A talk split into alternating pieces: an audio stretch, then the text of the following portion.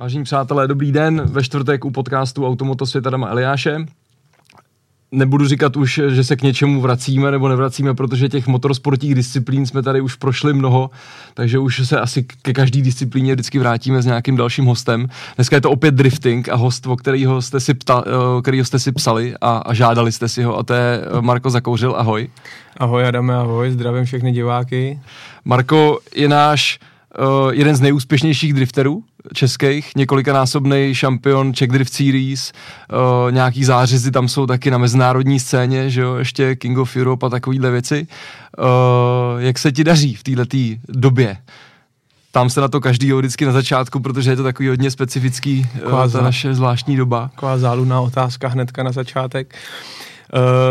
Uh, této době eh, doba je, doba je svým způsobem jiná, eh, daří se, nedaří se, snažím se pořád setrvat u toho, co dělám, eh, připravovat se na další závody, které budou a odjet je co nejlíp, jak, jak, jak umím. Neberu ohledy na to, co bude, co nebude, jestli budou závody nebo nebudou závody. Vím, že nějaký termín tam je, takže se snažím být připravený, aby jsme mohli vyjet v plný parádě na první závody, které budou možný tak to je super. Marko, já, mě to nedá, u tebe budeme muset na tom začátku jako trošku zůstat u, u těch sportovních začátků všech, jo. Trošku díl. To je, nevím jestli jak díl, ale, ale prostě protože to je pro mě jako zajímavá věc a nikdy jsme neměli spolu eh, šanci to nějak jako probrat mm-hmm. uh, úplně detailnějc, ale tvoje sportovní začátky se jako úplně nevážou, že jo, s nějakým motorsportem. Úplně, úplně se nevážou, eh, vděčím za to mým rodičům, kteří, když jsem byl hodně malý, tak mi vybrali uh, trošku zajímavou, trošku zajímavý sport. Uh, nicméně si myslím, že to byla super volba, uh, jak připravit se ať na cokoliv. Jo. Prostě ten sport je svým způsobem zajímavý, je náročný a uh, obnáší to opravdu pestrou přípravu toho člověka. Je to teda, jestli to můžu teda říct veřejně. No, můžeš to říct, no. je, to, je, to, je to krasobruslení, dělal jsem to asi 12 let uh, na vrcholové úrovni. A opravdu si myslím, že jsem si prošel peklem v jednu chvíli, hmm. ale jsem, jsem, jsem vděčný, že, že jsem to mohl zkusit, jsem vděčný, že jsem se mohl někam taky dostat uh, skrz to krasobruslení, nějaký závody, vovit, nějaký úspěchy udělat. Takže to je k mému úplnému začátku. Já totiž jsem vždycky schválně zkusím jako zadat to jméno toho člověka jako do Google Ono samozřejmě je to hrozně jako personifikovaný nebo personalizovaný na toho člověka, co vyhledává, ale, ale v okamžiku, kdy to tam zadám, tak stejně mi vyběhne prostě fotka tadyhle klučíka a napíše mi to tam Marko zakouřil krasobruslař, jo. Tak ty se úplně jako nešel jen tak jako asi klouzat po ledě, že jo. Uh... Ono to takovýmu jako obyčejnému klouzání po ledě mělo hodně daleko, viď? Jako když jsem potom uh, našel nějaký starší články, kdy žák deváté třídy je tam popisován jako zkušený uh, krasobruslař. Eh, je to tak, je to tak, eh, svojí dobu jsem to opravdu bral poměrně vrcholově, kdy jsme eh, kdy jsme celý léto jezdili prakticky po různých soustředěních od Ameriky, Kanada, Rakousko, prostě od, od rodičů jsem dostal úplně perfektní podmínky na to, abych mohl něčeho dosáhnout. Za čo, jsem si hrozně vděčný, že se to samozřejmě vyplatilo a povedlo se nějaký ty úspěchy udělat, ale ta, ta příprava byla náročná. Jednalo hmm. se opravdu uh, tři, tři fázové tréninky denně, víkendy, jeden den volný, jinak pořád drill na staďáků, venku na atletáků. Uh, místo školy, místo tělesné výchovy jsem jezdil permanentně na soukromí lekce na stadion, hmm. takže, takže ta fyzická příprava byla, byla náročná. Jo.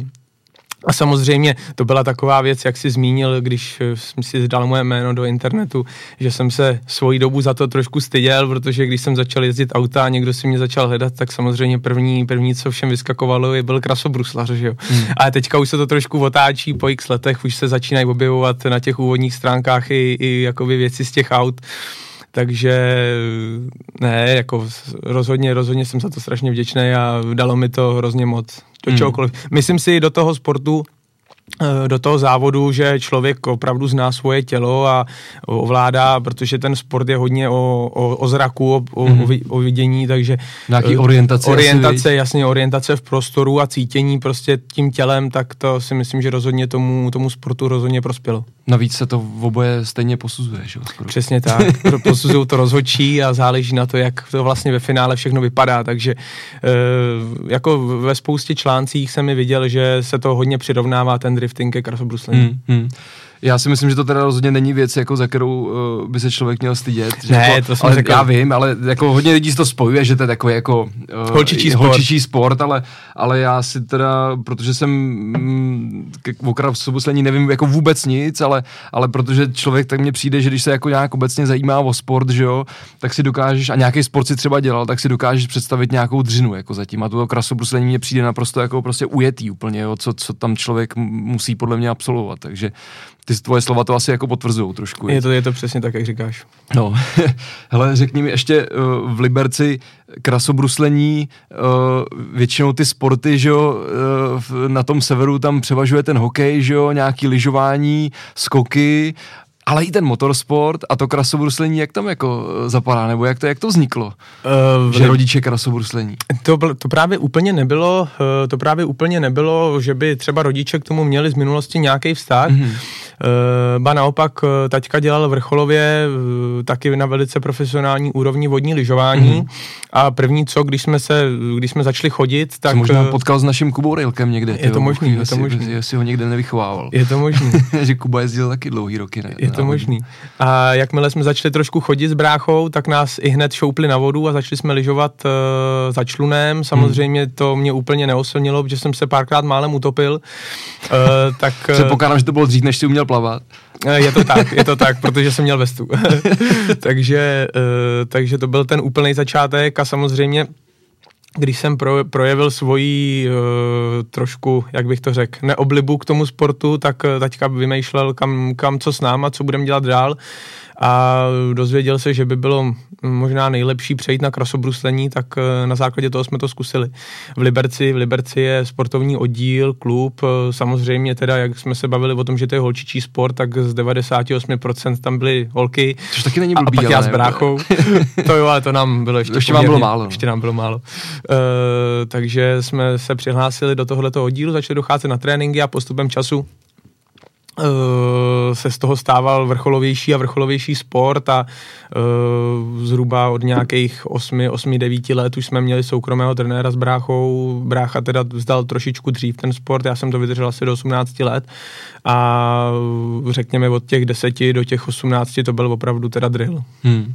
A na, na této úrovni ty seš asi si myslím mladší trošku, ale, ale ty jména, který známe my, asi, že takový ty Wernerové a tyhle ty, Tomáš Werner. to jsou lidi, s kterými se asi jako potkával, Můj ne? Když kamarád, jsou asi starší trošku. závodili jsme spolu i. Mm-hmm.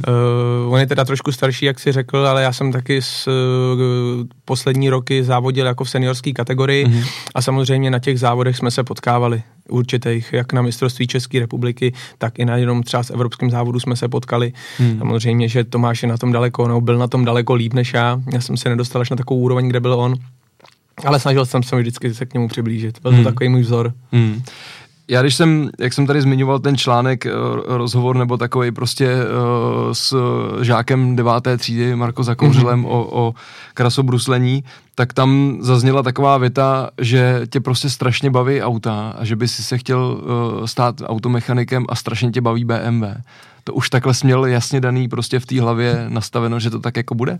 E- tak úplně ne, začalo moje láska k autům se objevila, ani nevím jak, bylo to na základní škole, myslím, okolo deváté třídy, to jsem ještě teda všechen svůj volný čas investoval do, do krasobruslení ale nějakým způsobem byla touha prostě s kamarádama si sehnat nějaký starý vůz a vytunit ho a začít prostě s ním blbnout. Tak děda vyslyšel mé přání a jednoho dne mi koupil Trabanta, 601 dvoutaktního starého, tak to bylo moje úplně první auto a s kamarádama po, po škole, po večerech jsme začali s úpravama Trabanta a tam, tam se jakoby objevilo první taková láska k těm autům. Všechno rozebrat, rozšroubovat, zjistit všechno, co jak funguje, vyndat, zandat a tím to začalo. Jo, pak samozřejmě na střední škole jsem se s kamarádem poprvé svezl v BMW a byli jsme se točit do kolečka na parkovišti, tak tam už se to teda potvrdilo, eh, co, co budu dělat dál v životě. Jak jsi, jak jsi potom přišel uh, k tomu driftingu? Nebo byl tam ještě něco, něco jiného? Třeba nějaký motorky nebo něco takového, nějaký úplně takhle jako, uh, když už ten sport nebo to zaměření tvoje takový jako uh, rozmanitý, zvláštní, tak byl tam rozstřel jako v tomhle duchu, nebo si věděl, že ty auta? Ještě tam byl rozstřel, byla tam taková malá vsuvka, když jsem se teda vzlídnul v těch motoristických věcech, ve zvuku motoru, hlavně když to vrčelo, tak to bylo moje, tak jsem se jistou dobu věnoval motokrosu. Mm-hmm. Jezdil jsem na motorce, Uh, měl jsem teda docela silnou motorku na to, kolik mi bylo let. Uh, byla to čtyřtaktní 250K Enduro, ostrá, dá se říct. A trošku jsem si říkal, že by ze mě mohl být závodník motokrosu, tak jsem pravidelně o víkendech, když jsem měl teda volný den uh, a nebyl jsem zrovna na ledě, tak mě taťka naložil a jezdili jsme na různý motokrosový trati v okolí Liberce a trénoval hmm. jsem na motorce. To dlouho teda netrvalo, protože uh, jsem měl jednu nepříjemnou nehodu, kdy jsem si myslel, že už je ze mě pořádný motokrosák a na jedné lavici jsem trošku neodhadnul dopad a poměrně hodně jsem spadnul, rozmlátil jsem sebe i motorku. 14 dní jsem se z toho dával dokupy, byl jsem docela otlučený a řekl jsem si, že to není úplně teda moje, že radši teda budu v těch, v těch plechových karosériích, že to přeci jenom je trošku bezpečnější, protože jsem se měl docela rád a nerad bych, abych se někde zmrzačil na motorce, přeci jenom je to náročný sport, ten hmm, motocross. Hmm. Takže tam byl takový zlom, kdy jsem teda opustil dvě kola a vrátil se zpátky na dobro ke čtyřem. A v tom driftingu to byla zajímavá otázka, uh, Úplně první moment, kdy jsem vlastně jel bokem, ne, nevím, jestli se dá říct, že to byla jízda bokem, bylo to právě s kamarádem po škole, jsme jeli na parkoviště, on měl Bavoráka E30, 318 ISO a vzal mě právě na takovýhle parking, ať si to zkusím, tak jsem se tam roztočil dokola a říkal jsem, jo, to je moje. Takže první, co bylo, brat, bratr můj je o dva roky starší, tak jsem přišel domů, jemu už bylo 18, říkám, tati, musíme tát, bráchovi koupit bavoráka, za chvilku má narozeniny, jeho první auto musí být bavorák, tak jsem mu vybral 320, 320 benzínovou E36, a brácha měl bavoráka prvního, takže to byla voda pro můj mlín. A začali jsme s bráchou blbnout potají po večerech na mokru, když to šlo a e, jeden, jeden den, pamatuju, bylo to v zimě, e, ještě, ještě byla námraza, bylo, bylo pod nulou a je, můj nejlepší nápad, co bylo, tak hlavně, aby už 36 měla nový kola letní pořádný, aby už hezky vypadala, že jo, tak jsem mu poměrně zavčasu přezul na letní, na letní gumy pozimních a jeli jsme, jeli jsme jednu výšťku do Jablonce, No a bratr nezvládnul řízení a vylídli jsme mimo, mimo silnici a auto jsme rozmlátili. Eh, bohužel už nebylo vůbec slučitelný to auto opravovat a hmm. vrátit ho na silnici, tak eh, první nápad, co přišel, že bychom auto odstrojili a začali bychom s ním jezdit eh, drifty. Hmm. Jo, takže to, byl, to, to bylo moje úplně první auto, s kterým jsem začal jezdit jakoby drifting. Uh, první, co samozřejmě odlehčit karosérii, zavařit diferenciál a vyjet, vyjet na trať. Uh, takže to byly moje úplně prvotní začátky driftingu, kdy jsme jezdili na letištích, motor byl slabý, tak jsme jezdili z pravidla, když bylo mokro hmm. a tím jsem se učil různé osmičky, přehozy a, a to byl jakoby můj úplně prvotní start teda. Hmm. A brácha uh, se tomu věnoval taky, takhle v tom v těch začátcích? Nebo, brácha nebo už Bavoráka poté nechtěl. Ten byl vyléčený. Brácha byl vyléčený. OK. Uh, co pro tebe ten drifting znamená? Protože jako uh, těch spojení tam na to je jako hrozně moc, že jo? Nomen omen jako blázen, jako těžko bys mohl dělat se svým jménem jiný sport než drifting. Uh, krasobruslarská průprava, prostě jo, těch spojení je tam hrozně moc. Co to pro tebe znamená, ten sport? Uh, já si myslím, že čím, čím, čím víc plyne čas, čím, čím víc člověk do toho vloží, tak tím víc se ta láska jakoby prohlubuje. Uh, a člověk už si jistou, jistou chvíli prostě nedokáže ani připustit eh, ten život jakoby bez toho. Nedokážu si vůbec představit život, že bych nejel na, na race day, trénovat, eh, jezdit, jezdit v autě. Prostě je to, je to jakýmsi, nějakým způsobem láska. Takový životní styl. Takový spíš. životní styl, řekněme, no. Připravit, upravovat, zkoušet, projet, nastavit znova race day, ježdění večer, prostě je to, je to, je to, hmm. je to prostě životní že to, že to je s tím, že to není jenom takový ten, řeknu, uh, Jak je to hrozně moderní, že, že jsou ty uvlazený závodníci, kteří sedí v tom závodním autě, ale, ale prostě v tobě je furt předpokládám ta rebelie lehká, taková devadesátková, kterou jsi úplně jako nemohl zažít, ale trošku si ji vytváříš i... i Vytváříš si ji ve vlastní hlavě. Ve vlastní hlavě, no. Tak to je hrozně, hrozně nám jako uh, imponuje. Uh, prosím tě, řekni mi, kde se zrodil potom uh, takový to auto, s kterým jsi byl dlouho a hodně spojovaný, že jo, protože jsi s ním odjezdil asi toho úplně nejvíc mm-hmm. a to byla ta M5, to byla nějaká, co to bylo, 39? 39 M5. A jak, jak vznik nápad vůbec na tohleto auto, udělal z něj kupé a, a já nevím, co všechno? To, to je poměrně zajímavý, jak si řekl, dlouholetý projekt. Zkrátka, když jsme se uh, trošku obuli do té závodní sezóny v tom driftingu a začali jsme objíždět závody, tak samozřejmě člověk potřebuje silný auto na takovýhle sport. 200 eh, koní už, už prostě nestačilo na nějaký lepší závody tak uh, jsme se začali prostě samozřejmě s taťkou povolížet, uh, co, budem, co, co, co koupíme, co, co postavíme. A vzhledem k tomu, že já jsem samouk, já jsem mě nikdo, nikdo neučil, jak se staví auta, ne, nejsem vystudovaný. Takže ten sen automechanika... Se zrodil sám. Ten, co si říkal v té v deváté třídě, že by se chtěl stát automechanikem, tak nakonec na automechanika si nešel a vyšel, udělal si nějakou jinou školu. Já jsem, já jsem teda udělal střední průmyslovku elektro mm-hmm. silno elektro eh, se zaměřením a automechanika jsem si bohužel teda musel udělat, nebo ne, bohužel musel jsem si udělat taky kvůli tomu, že jsem si chtěl odevřít svůj vlastní servis Aha. a potřeboval jsem Jasně, že, vázaná živnost. Vázaná živnost. Jo. Takže to jsem, to, jsem, to jsem si zařídil.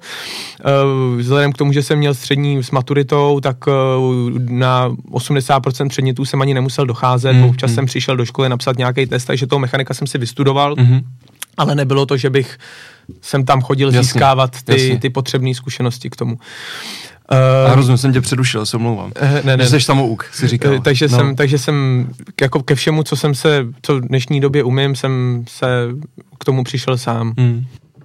A uh, začali jste teda řešit, co postavíte Zač, za zač, auto, začali jsme řešit, koní a tak dále. Začali jsme řešit, nestačí. co postavíme za auto a samozřejmě v tu dobu moje dovednosti, jak automechanický, tak závodnický, byly na začátku, tak uh, představa, že by si člověk uh, pořídil auto, uh, zastavil nějaký jiný motor, americký, velký, prostě to už byl, to už byl úkon, který vyžadoval jako ohromnou zručnost hmm. a technickou zdatnost a to prostě v tu chvíli jsem jako neměl ani. Tak když jsem koukal na inzerci, jaký auto má jaký výkon, tak E39 M5 jasně vyhrávala, takže tím se, tím se vlastně zrodil jakoby první, první pořádný drifták. A vyhlídli jsme, pořídili jsme a začali, začali první úpravy a opravdu hnedka teda musím říct, první rok jsem zjistil, že ten, ten výběr nebyl úplně ideální, protože když člověk potřebuje najít nějaké performance, eh, performance doplňky, nějaký závodní, závodní věci na stavbu takového auta, tak zrovna E39 neimponuje v katalogách moc. Jasně. Takže eh, tím, s tím samozřejmě teda musím říct, že jsem se ohromně naučil eh, tu automechaničinu, protože člověk opravdu co, co, co chtěl udělat, to si musel vyrobit, to si musel vymyslet takže to, to mě naučilo, to mi dalo hrozně moc stavba tohoto auta. Samozřejmě každým rokem člověk se chtěl posouvat dál, vymýšlel, co, co vylepší, co předělá. E, pak samozřejmě byl ohromný problém váha, tak e, jsme vymysleli tuhle tu kupé stavbu, kdy vlastně jsme ze, ze sedana udělali, udělali kupé, nedopadlo to vůbec špatně, to vypadalo velice hezky to auto, takže to byl náš takový jeden velký projekt, s který jsme si s taťkou, který mi pomáhal v dílně, jako opravdu užili. Takže to jste rozřezali opravdu jako M5 káru a udělali z ní kupé. Jo? To jsme rozřezali opravdu M5 káru a udělali jsme z ní kupé. To je docela dost, ne? Jako dneska, když koukneš na 39. je, je, to, je to tak, ale v té době uh, musím říct, co se opravdu podařilo to auto koupit velice, velice za dobrý peníze. Hmm. To auto stálo 150 tisíc korun. Hmm, tak ona, tak, ona ta doba taková byla, že Ona ta doba taková byla, takže ty věci byly jakoby dostupné, takže v tu hmm. dobu samozřejmě nám to tak nepřišlo, ale hmm. dneska, dneska bych si utrhal ruce za to, co jsem udělal v té, hmm. v té době. Hmm. Hmm. To chápu. Uh, to auto furt máš? Předpokládám, že se ho asi nezbavíš nikdy. To víc. auto už nemám. Nemáš? Už nemám. Já jsem měl, třeba se k tomu pak dostanem, jsem měl bouračku a to auto jsem zničil poměrně hodně a už, už jsem říkal, že to nebudu dávat dohromady, protože jsem se chtěl třeba taky posunout dál nebo vymyslet nějaký jiný projekt. Takže jsem ho prodal, A jak se to stalo, jako bůračko, mi to řekni klidně rovnou, já si to nějak jo, teď asi vůbec uh, nevybavu, Ve nespoju. Francii byl to rok 2019, jel jsem závod na King of Europe evropský. Aha. A to byl můj první závod, který se jel vlastně s takovýmhle silným autem, to už bylo v podstatě uh, asi pátá evoluce M5, to auto mělo 900 koní, uh, bylo ultra lehký, to prostě byl závodák jak, jak víno. A jeli jsme závod, který se jel v lese, prosím mm-hmm. tě, nebylo to na okruhu, bylo to v lese, to byl můj první závod, který se jel opravdu s takovýmhle silným autem na ostrých závodních pneumatikách a jel se v lese. A taková ještě zajímavost, jel se z kopce dolů. Mm-hmm takže opravdu, když už jsem jako přijížděl na to závodiště a jel jsem, jel jsem eh, tou cestou, jel jsem tím lesem, jeli jsme do depa spodního a viděli jsme vlastně tu cestu, tu úzkou cestu mezi stromama a takový úseky jako dost nebezpečný, tak jsem si říkal, no ty bláho, to bude velice zajímavý závod. Hlavně to tady nesmím rozbít. Hmm. A celý závod jsem si vedl velice slušně, eh, myslím, že jsem byl asi druhý v kvalifikaci a pak následně v nedělním závodě jsem se prokousal až, až eh, na samý vrchol. A když jsem měl poslední finálový battle o první místo, tak jsem se přecenil trošku a vylítl jsem mimo tráť a mm, mi byla z toho ne úplně malá nehoda. Hmm, hmm. V podstatě auto nepoužitelný nic. Hmm ale jakože mě to překvapuje, tak jako nevím samozřejmě o tom sportu všechno zdaleka, ani o těch seriálech, ale, ale že jako v roce 2019 jako King of Europe něco takového, jako že dělají závod ještě v lese na cestě, to, to není úplně jako obvyklý. To nebylo obvyklý, jak říkám, to bylo podle mě poprvé, a naposled, protože od té doby jsem už eh, v kalendářích neviděl tuhle hmm. ten závod, protože samozřejmě uznali asi organizátoři, že to bylo poněkud prostě nebezpečný.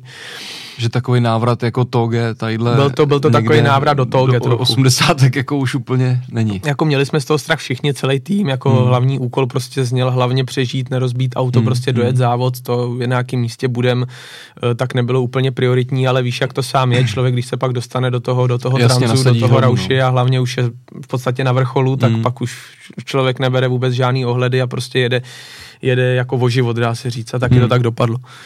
Uh, já bych se ještě zastavil, vrátil trošku, ty jsi to tady na kous a trošku tu uh, otázku už mi jako zodpověděl a to bylo ohledně té techniky, jak si ty věci stavějí, stavíš, vymýšlíš sám nebo něco, protože mě zajímalo v tom driftingu, Samozřejmě asi jako existují nějaký mm, komponenty typu, nevím, zavěšení nápravy, takovýhle ramena, takovýhle mm-hmm. věci, které už prostě na to jsou uspůsobené a člověk je vyrábět nemusí. Mm-hmm. Ale přece jenom mně to přijde furt jako něco, co je hodně jako vývoj, ne? Nebo jak to, jak to mám říct? Jak, jak to funguje v tom je to, driftingu obecně? Je to tak, jako v dnešní době už uh, na ty řekněme nejvíc populární auta, jako je třeba E46, E36, Eh, teďka už i ty E90, třeba co se týče té tý, tý BMW značky, mm.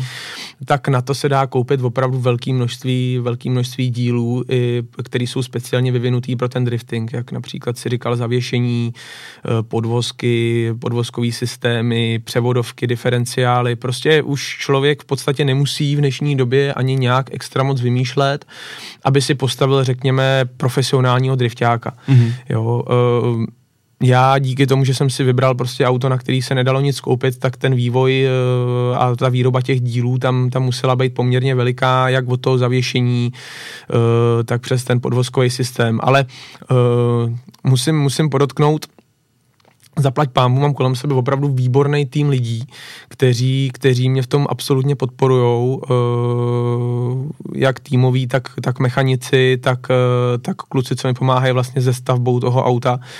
Uh, například kamarád, který má k dispozici stroje na obrábění, hmm. uh, na obrábění materiálu, CNC stroje, tak uh, je velice taky zapálený do driftingu a s, s, jeho, s jeho pomocí vlastně jsme vyvinuli a on následně vyrobil, vymyslel třeba celé zavěšení teďka, mm. jak mám to, to nový auto, tu M2. Mm. Takže to, to tam na té M2 jsme si opravdu vyzkoušeli, co to je, co to je vývoj. Tam se opravdu vyráběli na M5. Eh, na M2 teďka. Na M2, jo, tam, jo, tam, jo. Tam, na, na M5 bylo takový první zavěšení, co bylo vlastně na, jakoby vyráběný uh, a na M2 je teďka jak přední, tak zadní náprava. Hmm. Uh, jako custom. Hmm. Custom build.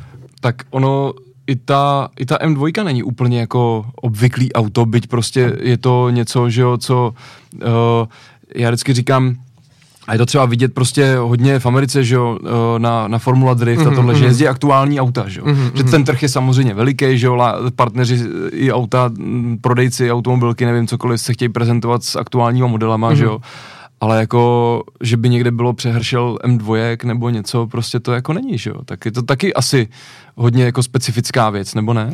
Jako specifická to je, my jsme se do toho pustili, protože jsme chtěli opravdu udělat, řekněme, nějaký vrcholový díl pak naší, mm-hmm. naší dílny a opravdu pěkný auto, který jsme postavili jako my od A do Z, eh, tak jsme si vybrali právě tohle auto.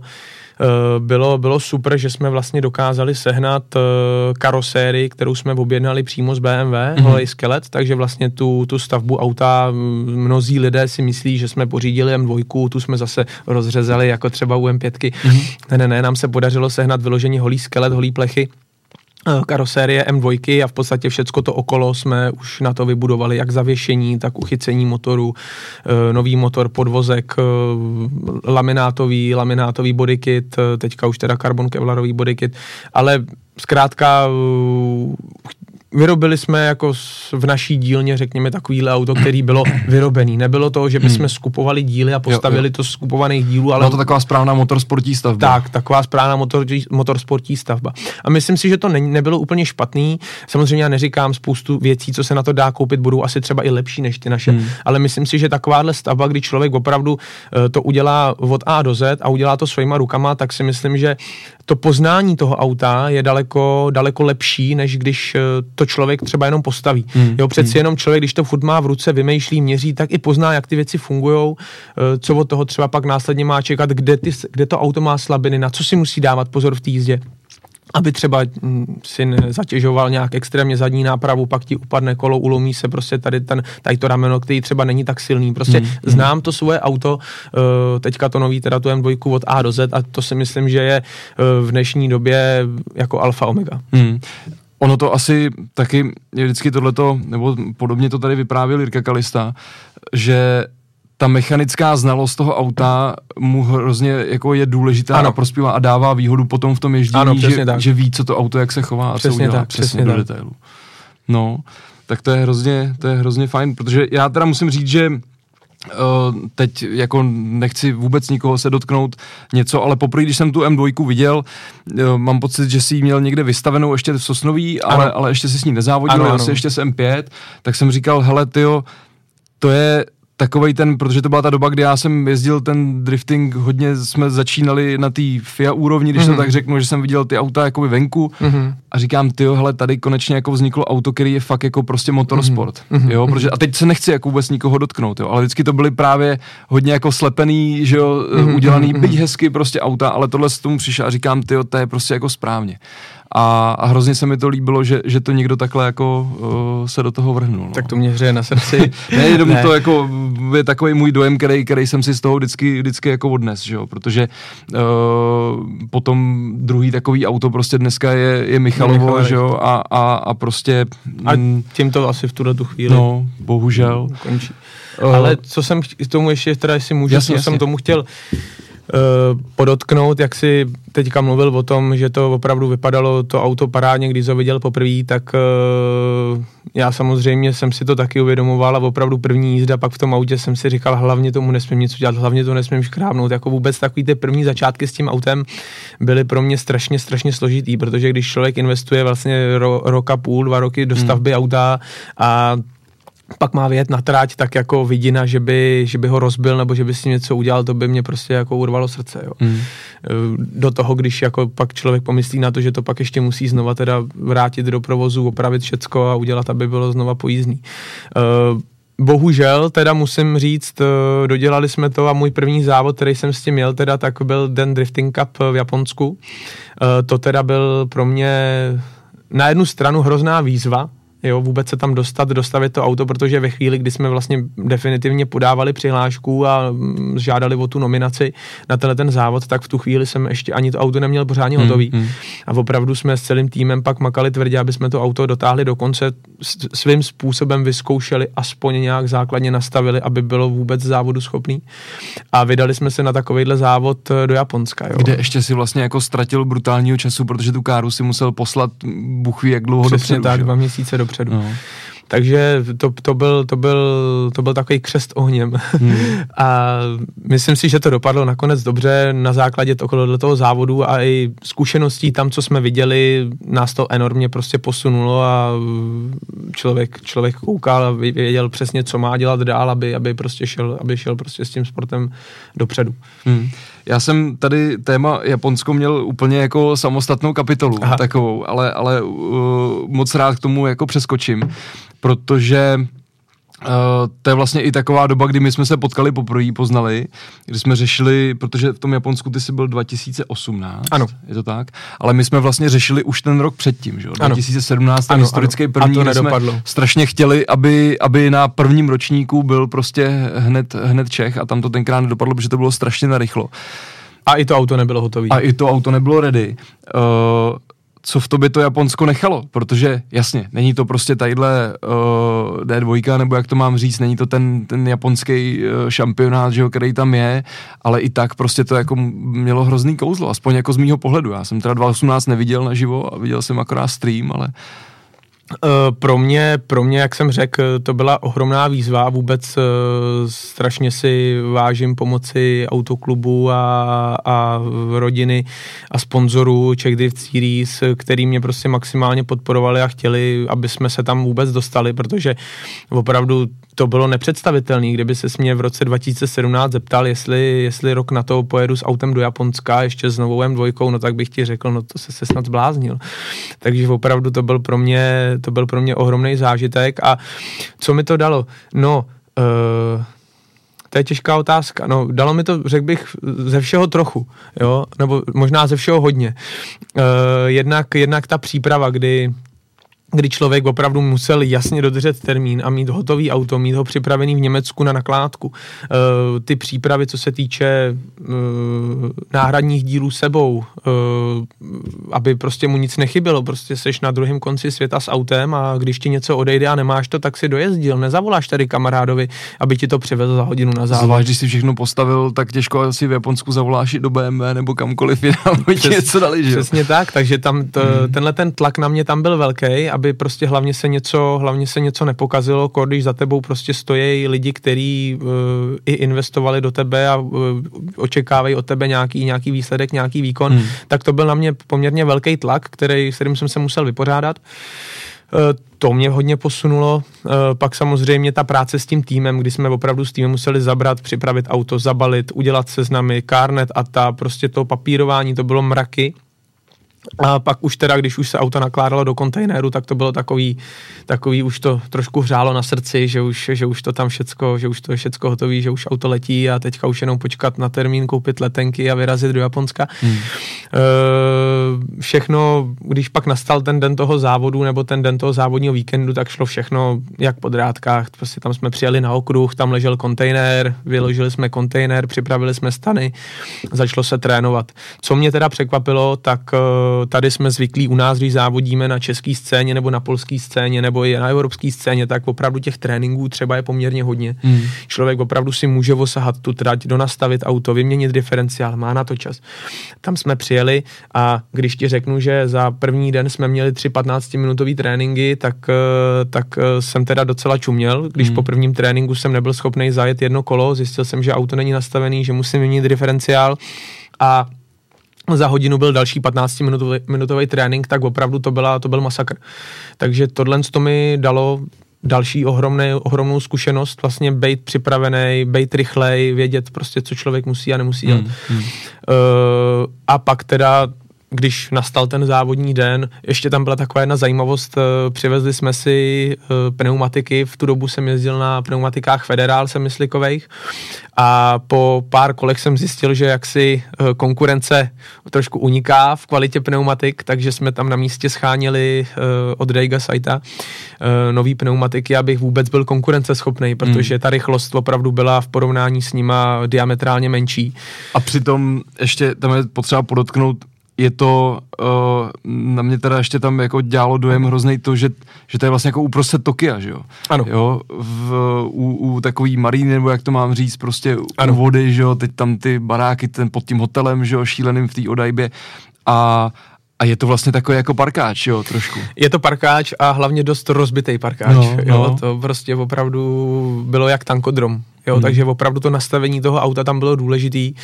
Eh, ty podvozky musely být odladěný, na některých závodnicích bylo vidět, že třeba to nastavení měli, měli špatný, ty auta tam poskakovaly, nebylo to, nebylo to úplně pohledný a opravdu pak byl vidět závodník, který to tam má v Merku a rozhodně tam není hmm. poprvé, eh, tak ty jízdy byly diametrálně jiný, to auto tam jenom proplulo prostě po té po vyznačené trase a opravdu to bylo koukatelný. Hmm. Řekni mi třeba, jak je to, jak je to, jak jste to dělali s benzínem třeba, protože to, to je spousta podle mě, že i když se mapuje auto a všechno, máš nějaký svůj benzín, něco třeba namíchanýho, nebo jak to fungovalo s tím letím? Prostě to, to si narazil na zajímavou, zajímavou to je věc, otázku. kterou jako nemůžeš dát do toho kontejneru, že jo, a, a výstý přes půl světa. To si, to si narazil na zajímavou otázku. Uh, to, to bylo zajímavé, respektive pro mě teda ve finále až tak, až tak ne, protože díky tomu, jak jsme se bavili o té stavbě toho auta, tak v dnešní době si i pardon, auto Sám ladím na mhm. brzdě. Mm-hmm. Sám si nastavuju program, sám si kontroluju veškerý data, který pak jdou následně z motoru, abych měl eh, absolutní přehled o tom, co se na tom závodě děje nebo neděje. Mm-hmm. Ukládám si logy, po závodech se koukám, eh, jestli všechno v tom motoru probíhalo tak, jak mělo a v závislosti třeba na tom jsem pak schopný na místě upravit nebo předělat trošku třeba mapu, abych prostě následně mm. mohl jet ten závod a nic eh, nehrozilo poškození motoru. E, s benzínem samozřejmě tam jsme přijeli, měli jsme objednaný nějaký benzín a byl úplně jiný. Mm. Jo? Na místě jsme zjistili, že vlastně já v tu dobu jsem měl auto nalazený na závodní benzín, řekněme 116 oktanový a přijeli jsme na místo a na, na UDPA čekali sudy, kde bylo asi 30% etanolu biosložky. Jasně. Takže to opravdu, kdybych um, nic neudělal, nalil benzín do auta, který tam skoří. čekal, tak uh, možná nedojedu ani první trénink. Mm. Ale díky tomu, že mm, si tyhle ty věci teda mám podchycený a jsem schopný včas zareagovat, tak jsem si upravil mapu a následně teda byl schopný uh, závod, uh, závod jet. Hm to je, to je hustý teda. Jako to, jsem, to jsem netušil, že, že, že to je až jako takhle, protože jsem si zrovna říkal, že s tím benzínem prostě to musí být jako problém, tak jsem netušil, že, že, jste, že jste jako takhle daleko. Tak to je, to je teda jako, hmm. to je velký příběh, teda musím říct. No ale ty, přestože to v tom Japonsku uh, nedopadlo úplně prostě, řeknu, na tom nejvyšším stupínku, nebo mm-hmm. jak mhm. to mám říct, tak ty jsi tam zanechal poměrně jako asi velký ohlasy, si myslím, ne? Nebo aspoň jako uh, bylo to tak, že jsi jako zanes trošku uh, tu, to, to český jméno na tu mezinárodní scénu uh, pod tou FIA, když to tak řeknu, protože ohlasy na to nebyly vůbec špatný. Já nevím, jestli byly dobrý ohlasy, ale jako slyšel jsem, že jako lidi byli spokojení, nebo ten výsledek nebyl úplně špatný. Co se týče té tý kvalifikace, kde jsem zanechal druhý místo, myslím, uh, tak uh, to se povedlo. Jo, tam je to sedlo ten den, to bylo, to bylo super, to auto fungovalo parádně i na těch nových pneumatikách, který měli hlavní jako důvod k tomu, že se podařilo uh, zajet takovouhle parádní jízdu. Nicméně druhý den nám to trošku zkomplikovalo počasí, začalo pršet a začalo pršet prakticky pět minut před mojí hmm. jízdou, mm. takže tam uh, já ani neměl vůbec zkušenost, jak auto funguje na no, mokru. No, jo. Takže tam bylo spousta aspektů, co, co mi úplně nehrálo do karet a bohužel se to ukázalo a samozřejmě i pak svojí vinou, že jsem udělal chybu v jízdě. Uh, takže jsme skončili bohužel v prvním, v prvním betlu. Ale ne, nemyslím si, že to mělo následky, jako že bychom z toho měli špatný dojem, nebo mm-hmm. jo, rozhodně, rozhodně to prostě bylo pro nás něco neuvěřitelného, co se tam v tom Japonsku dělo. Uh, měli jste čas trošku jako nasát to Tokio? Měli jsme čas na sát Tokio.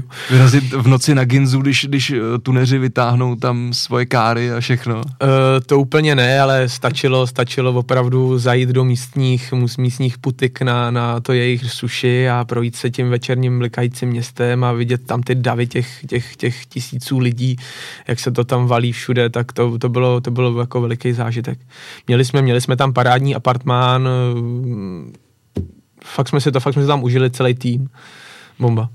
Uh, měl jsi možnost, i když ta komunikace s nimi je složitá, protože oni většinou nemluví ničím jiným než japonsky, třeba s těma místníma, místníma jezdcema něco, zmínil si Daigo Saita, třeba uh, s nima něco od nich nasát, nějaký věci? To, to víš, jo, to víš, jo, to byl jako hlavní úkol taky kvůli čemu jsme tam byli, aby jsme prostě důkladně zkontrolovali všem auta, koukli, koukli, kdo co dělá, jakou, jakou používají techniku, jaký používají nastavení podvozku. Takže to byl, to byl můj taky jeden, tady to je koukám zrovna fotka přímo, přímo z okruhu. Uh, takže uh, to byl, to byl můj hlavní úkol taky si dělat pečlivé poznámky a my jsme se následně mohli posunout dál, takže to, to ví, že, to ví, že jsem to pečlivě všechno zkontroloval. Hlavně nějaký ty kluky, co tam jezdili, jak například se říkal Daiga Saita nebo, nebo kamarád můj Ives Mayer ze Švýcarska, eh, tak to jsou kluci, se kterými jsem se potkával i na evropských závodech eh, šampionátu King of Europe, mm-hmm.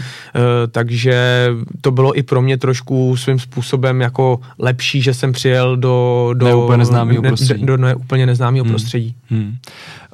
Uh, když jsme se bavili, nebo bavíme se tady o Intercontinental Drift Cup, Challenge, nevím, ano. jak se to přesně jmenuje teď, uh, co, co letošní ročník a přesun z Japonska uh, pod ruského promotéra a do Rigi. Chystáš se? Uh, chystám se, u, uskutečnil jsem uh, řádnou přihlášku, tak uh, doufám, že doufám, že se budu moc účastnit na těch závodech. Uh, trošku mě mrzí, že minulý rok vlastně jsem se nedostal do toho Japonska, že jsme taky měli v plánu mla, hmm. se, tam, se tam angažovat a jet tam, ale úplně to nedopadlo. Uh, to nebylo minulý, předminulý rok, pardon. Uh, a tenhle ten rok bych se k tomu chtěl vrátit, protože opravdu ty závody jsou, jsou na úrovni a ty závodníci jsou na světové úrovni. Jo? Hmm, myslím hmm. si, že účast na takových závodech, kde opravdu jezdí světová špička, je, je cesta k tomu, jak se posouvat dál. Jaký jsou obecně plány teda na tuhle tu letošní sezonu? Ty jsi na začátku roku říkal, že se připravuješ bez ohledu na to, co bude nebo nebude, uh, nepředpokládám, že by se asi chystal závodit jenom v Čechách, nebo, nebo ne? Chystám se závodit jak v Čechách, uh, pokud teda uh, nám to tady vláda umožní a hmm. budeme budem moc závodit, což doufám, že jo. Uh, i kdyby doufám byly, nebo i kdyby byly, nedej Bůh, nějaký striktní opatření, tak doufám, že prostě nějaký závody si tady zajezdíme už hlavně kvůli eh, našim fanouškům a našim sponzorům, prostě to, to k tomu prostě patří, jakmile, jakmile nás takhle vypnou a nebude moc závodit, tak si myslím, že to, že to není, není vůbec eh, dobrá cesta. Ale mimo, mimo, český, mimo český závody plánujeme jet eh, vlastně v dnešní době, řekl bych, nejprestižnější a nejlepší evropský šampionát to je ten Drift Masters, který jezdí uh, Michal Reichert, mm-hmm. tak s, s ním plánujeme uh, t- se účastnit z těch závodů. Uh, máme mít 1. května nějaký verdikt, zdali se pojede první závod v Rakousku, mhm. který mm-hmm. se má jet koncem května, tak uvidíme. Já se připravu samozřejmě, abych na tom závodu byl připravený v plný, v plný síle. Doufejme, že se pojede. Když se nepojede, organizátoři říkají, že se přesune start do Norska, to mm-hmm. je o, o necelý měsíc eh, později, tak eh, věr, věrně doufám, že zkrátka uh, jisté závody v Čechách a celá sezóna Drift Masters se pojede. Mm. A mimo to, jak jsi zmínil, uh, tak bych byl rád, kdybych se mohl účastnit uh, toho FIA International Drifting Cup v té Rize. Mm. ten je plánovaný někam až na, na podzim, že? nebo jak to? Nebo, nebo Já mám pocit, že, že je za, asi za necelé tři měsíce. Aha, že to je takhle... poměrně brzo. Jo, jo. Protože já vím, že tam se vždycky řešilo, že jo, priority těch jezdců ve svých šampionátech a vůči partnerům je to a, a kdy tam je ta, jak sem dostat lidi z Ameriky a já nevím, co Je všechno. to tak, ale v, v, tenhle ten termín, který dali, tak se nekryje s žádnýma závodama, takže, mm. takže co, co, co, jsem viděl už i nějakou, uh, nějaký seznam jezdců zatím, který se zveřejnil, tak tam jsou opravdu velký, velký jezdci. Začíná vypadat docela dobře, no. Začíná vypadat... Jsem koukal, že James Dean a všichni celá tato banda, James ruská Dean, banda. Ruská banda, jsou. přesně no. tak. Tak uh, aspoň jako ty bys potřeboval ty závody taky předtím, abys uh, řeknu na těch Drift Masters GP, že jo, je prostě konkurence a ta konkurence asi taky, že jo, uh, dělá ty výkony potom, ne? Jako někam tě posouvá, dostává, má z tebe víc. Přesně tak. Já bych jako úplně nerozlišoval třeba ten Drift Masters a ten Inter, International Drifting hmm. Cup, opravdu ta úroveň tam je, tam je stejná. Hmm. Jo, hmm. to jako Mě, mě na tom řeknu nejvíc baví to, že vlastně přijedeš na závody uh, úplně v těch jiných šampionátech na tom jsem nebyl, nebo tam to není úplně uh, takovým pravidlem, že přijedeš na závody a najednou v startovním poli je 50-60 závodníků hmm. a ty vůbec vlastně musíš ukázat, co v tobě je, aby se vůbec dostal do toho závodu. Většinou všechny tyhle ty závody. Tak, aby si prošel katem. Většinou ty závody, co se tady jezdí, tak na top 32 přijede 20 závodníků a většinou hmm. máš vždycky 100% jistotu, že se do závodu dostaneš. Jo? A už jenom tohle, ta, eh, ten psychický nátlak vlastně v tom Drift Masters, eh, ta velká účast těch závodníků, vlastně už jenom to tě posouvá dopředu, že, že už, už, už ta kvalifikace pro tebe je vlastně něco, čím musíš projít, abys vůbec závodil. Hmm, hmm. Řekni mi, jaký jsou vztahy mezi top drifterama?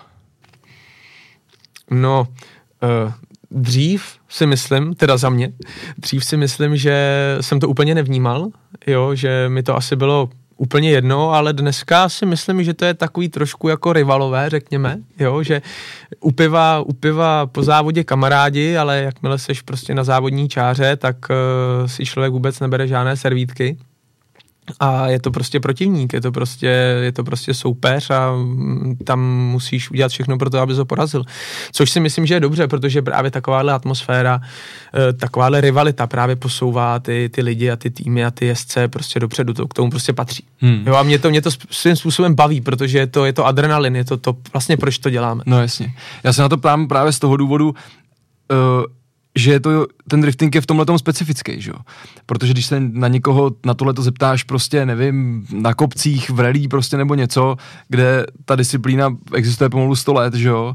tak tam prostě jako všichni, že jo, vidí, že jdou závodit o titul nebo něco, mm-hmm. ale mhm. ten drifting se vyvinul relativně jako, nechci říct jako mladý, ale jo, že jo, a byla to taková ta zábava a jak v okamžiku, kdy se z toho začínal stávat ten sport, tak mě právě zajímalo, jestli se jako mění to depo, víš, jako že prostě, hele, večer jasně, pohoda, tohle všechno super, ale, ale prostě helma, ty hele, musíme ho máznout prostě, mm. jako nehledě na to, kdo to je prostě. Uh, to, to ne, jako dřív, dřív, eh, když jsme, když jsme, nebo třeba ty, ty, ty závody King of Europe, když jsme byli na, na takových závodech, tak uh, tam ty večery jsou věru zábavný. Jo, tam člověk se těší večer, až se si pustí muziku a zablbne, dá si, dá si pivo.